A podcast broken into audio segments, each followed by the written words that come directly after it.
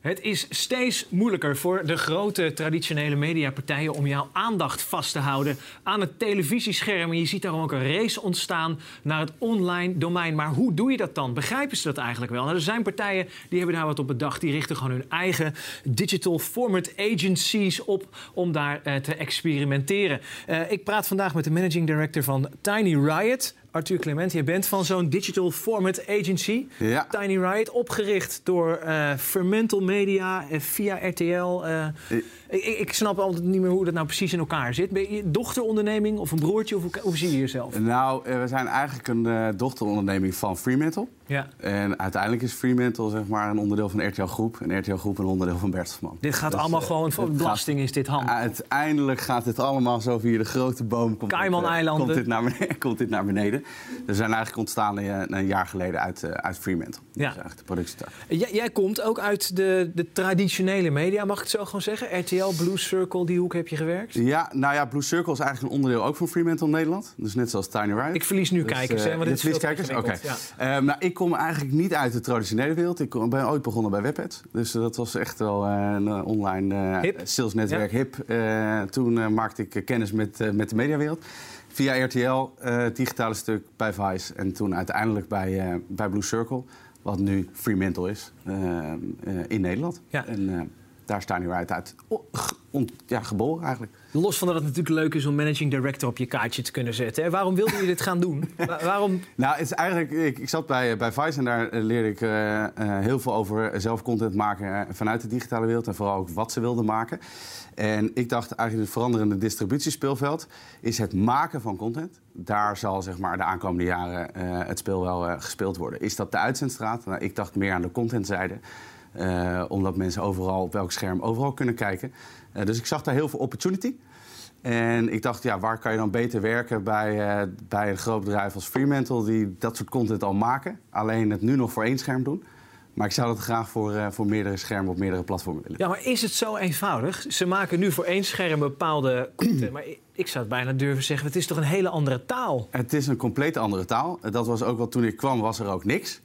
dus dat was ook makkelijk. Dus eh, iedereen dacht, het is moeilijk. Maar ik dacht, nou, het is eigenlijk makkelijk. Want als er nog niks is, kun je ook iets creëren. Eh, maar wat ik dacht, wat, wat doen zij nou in de kern? En eigenlijk in de kern maken zij programma's, zoals andere bedrijven eh, in de televisiewereld ook doen, voor RTL. Waardoor RTL kijkers heeft en eigenlijk ook een businessmodel heeft. En toen dacht ik, als je die redactionele uren maakt voor een broadcaster, zoals ze bestaan, eh, is dat heel waardevol, want dan maak je dus producten waar mensen naar willen kijken. Doen we dat in de digitale wereld op dezelfde manier? Dat kan niet. We moeten andere mensen, er zijn andere budgetten, er zijn andere vormen van, eh, van distribueren. Eh, dus dat vraagt een hele andere aanpak. Dus ook andere, eh, andere mensen eh, en uiteindelijk een compleet andere strategie. Eh, want ik zeg altijd, idols kan je niet in de digitale wereld verkopen. Daar is het veel te duur voor. Is geen zender die het van je koopt. Dus eh, hoe gaan we het dan doen?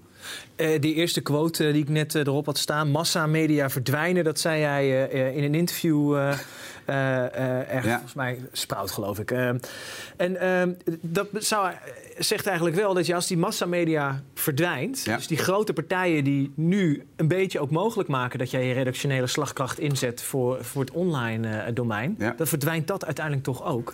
Nou, ik denk zeker dat, dat het businessmodel van Fremantle ook daarin, in de bestaande core, zeg maar, wel een, een, een, eh, een hard to get heeft, zeg maar, richting de toekomst. Van hoe gaan we ermee om? Zenders krijgen minder eh, aandelen, zenders hebben minder geld om te besteden bij producenten. Dus hoe ga je er dan uh, Jullie zijn daar misschien wel een, een, duur speeltje wat in de bezuinigingsrace to the bottom gewoon gekild moet Nou, dat denk ik niet, want aan de andere kant hebben we met Tiny gewoon een apart businessmodel die niet afhankelijk is van de zenders waar, uh, Okay. waar zeg maar Fremantle uh, aan levert. Dus uh, ik zie daar alleen maar opportunities. Maar we moesten het zeker met nieuwe mensen gaan doen die ook goedkoper konden produceren, effectiever konden produceren. Waardoor je zeg maar ook een nieuw model kan leveren. Uiteindelijk waren we gewoon op zoek naar nieuwe klanten. Ja, waarin we zeiden van hoe kunnen we onze expertise, die in de kern er wel zijn, maar niet met dezelfde mensen, inzetten uh, richting nieuwe potentiële klanten. Ik zie uh, in dat online, zien we van alles gebeuren. Gaan we zo ook over praten. Ja. Er wordt geëxperimenteerd. Dat, dat kan ook natuurlijk allemaal op, de, ja. op die kanalen. Ja. Um, maar is het ook uh, niet een, een, race to the bottom van, uh, van de kwaliteitsmedia? Kijk, we, we, zien wel ook bij de traditionele... Daar zitten ook wel de kwaliteit ook de kwaliteitsjournalistiek zit daar. Ja. Alles wat een beetje in het online domein... Het toch, komt toch een beetje als spielerij over ook. Nou ja, ik denk dat het mooie juist is. Ik weet nog ooit in de tijd dat bij zelf bij RTL zat, toen kwam het platform YouTube een beetje op. Toen dacht ik, het is best wel een, mooi, gewoon een fenomeen dat er een platform bestaat waar iedereen op kan broadcasten. Ja, Het maakt niet uit, jij, ik, mensen. eh, iedereen Ja. die hier staat. Ehm, dat, we dat, dat we dat kunnen doen. Ja, en wat, de vraag is, wat is nou goed en wat is niet goed?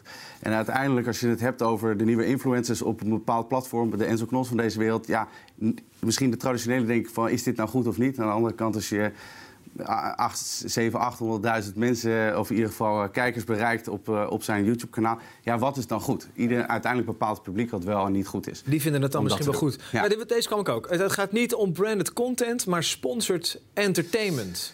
Nou, het, wat het is, is eigenlijk in de traditionele media als bedrijf, als eh, de persgroep of bij RTL, zijn eigenlijk de, eh, het commerciële en het redactionele zijn heel hard gescheiden. Eh, dus eh, eh, bij RTL bepaalt eh, iemand hoe de redactionele invulling is. En uiteindelijk heb je commer- commerciële spotblokken waar dan eh, in geadverteerd wordt. En het moeilijke online is op het moment dat we kijken naar brands die steeds meer zelf die broadcasterrol kunnen innemen. Eh, en dat heeft ook weer effect op het massamedium, wat minder wordt. Dus je moet zelf als merk wel eh, wat meer content gaan maken. Is wel de vraag, hoe breng je nou redactioneel en commercieel bij elkaar? En ik zei eigenlijk, branded content is meer dan brand je de content van een ander. En sponsored entertainment is veel meer dat je zelf content maakt. Maar je moet wel zorgen dat we het voor die doelgroep doen... en niet voor het merk zelf. En dat, dat is de grootste scheidslijn waar het En, en snappen ze dat een beetje? Ik, ik, mijn ervaring is ik- dat als ik al iets tegenkom, ik Ja. ontdek sowieso in een nanoseconde wie de afzender is. Ja. 9 van de 10 keer de nanoseconde erna haak ik af omdat de boodschap te veel in mijn face geduwd wordt. Met een entertainment maniertje. Nou, het is wel. eh, ik denk dat het heel moeilijk is. Want, eh, en dat we er ook nog lang, lang niet zijn. Om, maar het gesprek om het daarover te hebben, dat is denk ik goed. Die gesprekken duren lang. Eh, en hebben we ook, als we de content maken, uiteindelijk daar steeds eh, gesprekken en discussie over. Het belangrijkste uitgangspunt is dat ik dan laat, eh, laat zien, eigenlijk, of wij met elkaar, dat we zeggen van joh, maar de data die je teruggeeft, mensen die reageren of mensen die na drie seconden weglopen, of, dat die eigenlijk aangeven, joh, het is wel of niet goed. Als we dat merken dat het niet goed is, of de viewtime of de watchtime loopt terug, dan moeten we het dus aanpassen. En dat vind ik het mooie zeg maar, van het digitale domein. Je kan het morgen aanpassen. En dan kunnen we iets anders doen. Dus we kunnen ook steeds, want jij begon met, ja, het is allemaal spielerij. Ja, aan de ene kant ja, ja eh, want dat is ook weer, maar je kan het heel mooi aanpassen. Dus het wordt een soort journey, een lange journey, die je steeds kan aanpassen op, op, eh, op de data die je terugkrijgt. En dan wordt content eigenlijk data-driven. Eh, maar je moet ergens beginnen om uiteindelijk een reactie van iemand te krijgen om het Is- te kunnen aanpassen. Is dat geduld er ook? Want het, het voorbeeld wat net op scherm was, is dan Ja. de vriendenloterij. Ja. Eh, wat jij zelf ergens eh, eh, noemde als een, een, een goed geslaagd voorbeeld van, van dat jullie nu voor zo'n merk iets mogen gaan doen. Ja. Drie videootjes Ja, per, ja. per week. Maar wel heel erg duidelijk gaat het ook over die, die, die, die vriendenloterij. Ja. Dus ja, bereikt mij toch alleen als ik al geïnteresseerd ben. Ik weet niet. Nou, dat is daar hoe we het. Kijk, het was een lang traject eh, met de Vriendenloterij en het is ook niet als een campagne. En dat is denk ik een groot verschil. Dus je hebt heel. Iedere adverteerder vaak nog campaign-driven is ingestoken. We doen nu een campagne, eh, maken commercial, gooi, eh, gooi de paid media achteraan en dan gaan we. Maar ik zeg altijd, als je 30 seconden hebt op televisie en je moet drie verschillende doelgroepen bereiken, of eigenlijk drie mensen, één die ken je niet, eentje ken je wat beter en de andere die moet je eigenlijk kopen op een demografische doelgroep kunnen we beter zeggen... we maken langer content op verschillende disciplines. Iemand die je helemaal niet kent, die het misschien leuk vindt om een keer in contact te komen. En content van mensen die je wel al kennen en laat nou eens een keer zien. Het voorbeeld was eigenlijk toen, als je met een actie hebt meegaan... krijg je er twee weken later of een week later krijg je direct een mail... wil je nu meedoen? eh? Maar hoe leuk is het als je dan een mail krijgt met een aantal video's... over wat de Vriendenloterij eigenlijk doet. En ik denk dat daardoor de balans tussen commercieel en redactioneel... een betere balans krijgt, waardoor het ook beter kan scoren. Want uiteindelijk, even terug naar de oude media... eh, televisie als je goed redactioneel iets maakt en hoge kijkcijfers heeft en dan een commercial, dan is die commercial veel meer pakkend uiteindelijk door, want je zit naar iets te kijken wat je leuk vindt. Is dat dan al helemaal gelukt? Nee. Moeten we daar steeds beter in worden? Ja. Moeten we dat steeds dagelijks optimaliseren en daarvan leren? Ja. Ook de peet, hè, want dat is onze grootste, eh, onze grootste uitdaging is als producent, daarom noem ik ook geen producent, maar een ethici, is eigenlijk dat we zeggen, joh, we zijn niet alleen verantwoordelijk voor het concept en de uitvoering, we moeten ook helpen, hoe kunnen we het distribueren?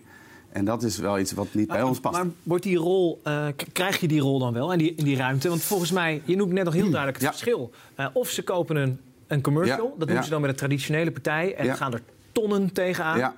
Eh, of, ze, of ze zien het zo, we gaan iets doen met een filmpje. Ja. En dan, dan moet, je, moet je nog worstelen om het op een creatieve manier te mogen doen ook. Ja, daarom zeggen we, houden we eigenlijk ook de, de, eh, de wetten die YouTube zelf ook een beetje heeft geschapen. Je maakt eigenlijk PR-achtige content. Je maakt content die herhalend leuk is. Niet alleen voor een platform als YouTube, voor de social kanalen. Ja, want elk platform heeft een eigen context. Uh, en we maken content eigenlijk voor mensen die al wat langer dat merk, uh, dat merk kennen. Over een periode van 6 tot 12 maanden. Dus daarin zie je al gelijk dat we natuurlijk na de eerste maand discussie hebben over... is het bereik goed, hebben we er genoeg gedaan? Nee, bereik is nog hoog. steeds wel de, de discussie omdat, Omdat het vanuit een campagnegedachte komt. En dan is het aan ons om te vertellen van... joh, maar we zijn net begonnen, het is niet ergens videootje X... maar X bereik heeft en dat andere wat meer bereik. Want totaal doen wij iets om eigenlijk mensen te informeren over verschillende disciplines. En daarin krijg je ook de discussie over waar laten we het merk wel zien en waar laten we het merk niet zien. Ja. Um, en dat is denk ik een eeuwige discussie op het moment dat je redactioneel en commercieel in één product uh, uh, naar buiten wil brengen. Ja. Nou, het is op zich, want ik kan me voorstellen dat, dat uh, aan, aan de pro-kant je ja. de discussie wel makkelijker kan voeren. Want het ziet er tegenwoordig wel gelijk goed uit. Je ja. kunt, nou, prachtige video's die, die jullie maken, dat, dat mensen dat wel gaan vergelijken. Ze betalen tonnen misschien voor een gelikte reclame op, op een traditioneel kanaal. Of kunnen voor ik weet niet, wat, wat kost zo'n filmpje? Een filmpje van kleintjes bijvoorbeeld. Kost dat? Ja, dat is niet specifiek uh, zeggen, maar uh, je, voor, voor een paar duizend euro kun je, kun je iets heel moois maken. Ik zeg altijd, we, het is de lengte van de deal die het, die het goedkoper, goedkoper of niet goedkoop ja. maakt. en dat is denk ik het belangrijkste uitgangspunt waar ik, als, of wij eigenlijk als bedrijf, als Tiny Right voor willen staan. Dus vroeger had je die, je had die commercial en die heeft het ook heel erg uh, goed, goed gedaan. Op het moment dat het bereik minder wordt en straks krijg je de Amazons en de Netflixen van deze wereld, wat misschien massamediumtypes worden waar je niet op kan adverteren. Hoe ga je dan als merk nog steeds je boodschap overbrengen? Is dat we zeggen, laten we van dat totaalbudget van je campagne een commercial en je media inzet, laten we daar nou eens vier, vijf maanden content van gaan maken. En misschien wel minder dan dat je in één campagne kwijt ja. bent. Op verschillende doelgroepen, waar we natuurlijk een beetje peet achter zetten. Maar wil je dit goed kunnen doen, heb je wel een bepaalde autoriteit nodig, ook als als ja. agency, hè? Zo ja. zie je jezelf uh, ja. wegzien. Ja. Uh, je, je, riep ergens wel een advies. Plak je merk niet op het kanaal van een YouTuber, maar zet talent in op je eigen platform en bouw een eigen publiek. En dan als voorbeeld hier van Continuum. Ik weet niet of iedereen dat kent, maar jullie hebben vier uh, random YouTubers eigenlijk bij elkaar gebracht. Die zingen allemaal, maar ze ontmoeten elkaar niet. Ze, ze zingen nee. en die video's ja. monteren jullie aan elkaar. Ja, nou de eerste vraag, uh, of de eerste opmerking die, uh, die je stelt is eigenlijk wat er al, of tenminste wat ik zag dat er altijd gebeurde is van oké, okay, we doen. Ik heb veel branded content ook gedaan voor, uh, voor andere partijen waar ik zelf heb gewerkt. Is dat het altijd plakken is en dan een paar weken hebben we heel veel bereik en dan ja. gaan we door. Maar als het moment dat je zelf content gaat maken als merk, dan kan je beter zeggen van oké, okay, kunnen we zelf talent doen? Of laten we eerst een strategie ontwikkelen en dan talent inzetten, waardoor we bereik van een ander kunnen krijgen, maar wel ten goede van jezelf. Niet als een nieuwe manier van spot. We doen even iets bij een YouTuber op zijn kanaal en dan uh, ja, hebben we een leuke, leuke campagne gedaan. Maar wat doe je dan voor jezelf en waar komt het samen? Um, ook binnen Tiny Right hebben we gezegd, joh, we moeten ook, om credible te zijn, een hele terechte opmerking, zullen we zelf ook een aantal concepten lanceren om te laten zien dat we weten hoe we een bereik moeten bouwen zeg maar, om dat uh, te doen. Continuum is daar een van de ideeën van. Waarin we zeiden, zou het wereldwijd, want je hebt op eigen digitalisering heb je wel schaal nodig om een model te creëren. Zou het zo kunnen zijn dat we vier jongens uit verschillende werelddelen bij elkaar kunnen brengen uh, als één band, maar uiteindelijk het publiek mag bepalen op het moment dat ze, als ze de 400.000 volgers hebben bereikt, om ze dan bij elkaar te laten komen. Uh, dat was een heel ambitieus uh, plan, dus de casting hebben we zelf gedaan. En uiteindelijk was het uitgangspunt, de jongen moet kunnen zingen. En de tweede is, ze moeten eigen bereik hebben. Want dan kunnen we hun bereik inzetten nee, nee, om ja. dit merk te gaan laden. Uh, met als hoger doel om uiteindelijk de fans hun te laten uh, bepalen wanneer ze bij elkaar komen. En daaruit eigenlijk een verdienmodel voor onszelf te creëren. Je kan je voorstellen als we muziek gaan maken of als we events gaan doen. Of misschien wel een extensie naar televisie toch nog. Uh, of merchandising. Er zitten veel modellen aan. Uh, maar, maar kan je, daar kan je geen agency van draaien, toch? Daar kan je zeker geen agency van draaien. maar een eurotje per duizend views. dat klopt, maar daar Gedeeld dus door... Uh... Daarom denk ik ook dat digitalisering met dit soort concepten hebben we meerdere modellen nodig. Ja. Dus aan de ene kant kan je wel samen met adverteerders werken. Headphones of microfoons. Of... Aan de andere kant kan je misschien iets verdienen aan een paar... Uh, als ze groot genoeg zijn, YouTube-views. Ook niet, krijg je het ook niet terugverdiend. Maar dan zitten er ook extensies aan als muziek en merchandising en events. Waar we dan verschillende modellen hebben en hopelijk krijgen we dat rendabel. Of dat gaat lukken, ik heb geen idee. Ik wil het wel proberen. Om te laten zien van jongens, het zou wel kunnen werken of niet kunnen werken. Wij leren er heel veel van, die we ook inzetten aan onze ethische zijde richting, uh, richting merken. Ik, ik, begon al ik begon met kwaliteit. Uh, jij noemt net al even talent. Uh, je noemt nu die jongens die hebben eigen bereik, dat brengen ze, brengen ze in. Ja. Geldt hier ook gewoon de wet van de grote getallen? Is er eigenlijk bepaal, bepalen de, de viewers ja. of dit kwaliteit is? Of dit... Zeker, uiteindelijk is het zo fan-driven dat op het moment dat de fans het helemaal niks vinden, dan, dan, is, het, dan is het klaar. Kijk, uiteindelijk is het nu, toevallig mag, mag ik dat nu wil noemen is met Continuum ook. Dan ben je ook aan het kijken hoe kunnen we PR-achtige constructies bedenken met andere, met andere verschillende landen of met MTV. Dus we hebben geprobeerd of we de cover van de maand kunnen worden bij MTV. Je moet proberen daar veel iets groters van te maken dan het is. Maar uiteindelijk bepaalt de fans, vinden ze dit leuk genoeg? Gunnen ze die jongens dit om dat te doen? Uh, en ik denk een hulpvraag op internet heeft heel vaak laten zien dat iets wel werkt.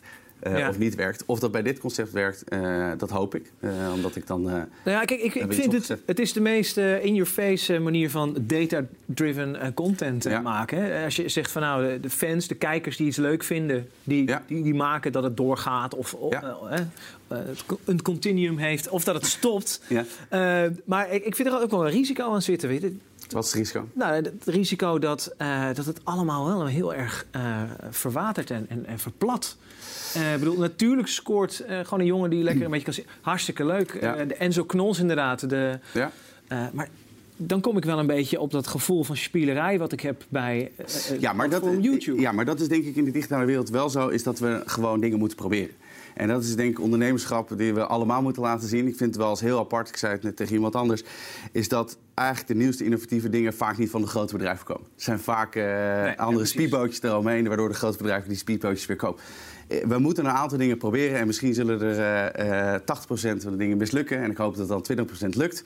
Om dan uiteindelijk die andere 80% ook mee te, mee te kunnen verdienen. Maar we moeten dingen proberen om te laten zien dat we echt uh, een weg in hebben geslagen met Tiny Ride die uh, makes sense. En um, of, dat, of dat hier gaat lukken, ja, ik denk van wel, anders blijven we het niet doen.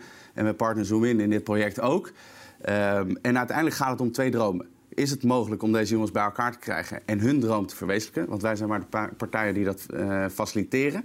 Uh, want uiteindelijk hebben ze allemaal een droom is muziek maken. En op YouTube, weten we allemaal, kun je er weinig mee verdienen. Uh, dus dit, wij hebben ze eigenlijk concept geboden waarin ze dat zouden kunnen doen. Uh, en ik zou het mooi vinden als we op een gegeven moment een uh, eigen single of een, uh, een tour kunnen gaan doen. Ja, dus stiekem is toch een beetje jouw droom dan? Of, Nou ja, uiteindelijk wel, maar dat hoor ik altijd thuis dat het niet de beste bedoeling is om dat te gaan doen. Maar dat zou wel een droom zijn voor hun en voor ons concept. Wat je dus waar ter wereld ook kan starten en de andere uh, Freeman-landen kan meenemen om ondersteuning te bieden om zo'n concept van de grond te krijgen. Ja. Als het niet aanslaat, dan hebben we zoveel geleerd dat het ons alsnog een voorsprong op concurrenten geeft, zeg jij. Maar heb je die ruimte om te falen uh, ook daadwerkelijk? Uh, nou, dat probeer ik altijd heel vaak te zeggen dat dat zo is. Ja. ik heb nog niet ervaren dat het niet zo is. ik heb alleen ervaren dat ik de kans krijg om het te doen. dus misschien dat we hier over een jaar zitten, zeg ik ja, nou, ik zit hier niet meer, dus dan is het niet gelukt. Uh, maar ja, er is wel ruimte voor ondernemerschap. En, uh, en daarom mocht, konden we dit ook doen. En zeker had ik ook een andere partner daarin in nodig om het te doen. Maar als je heilig geloofd hebt in, uh, in dingen, dat is een beetje mijn motto. Ik geloof soms in dingen die er nog niet zijn, dan moet je ervoor, dan moet je ervoor gaan.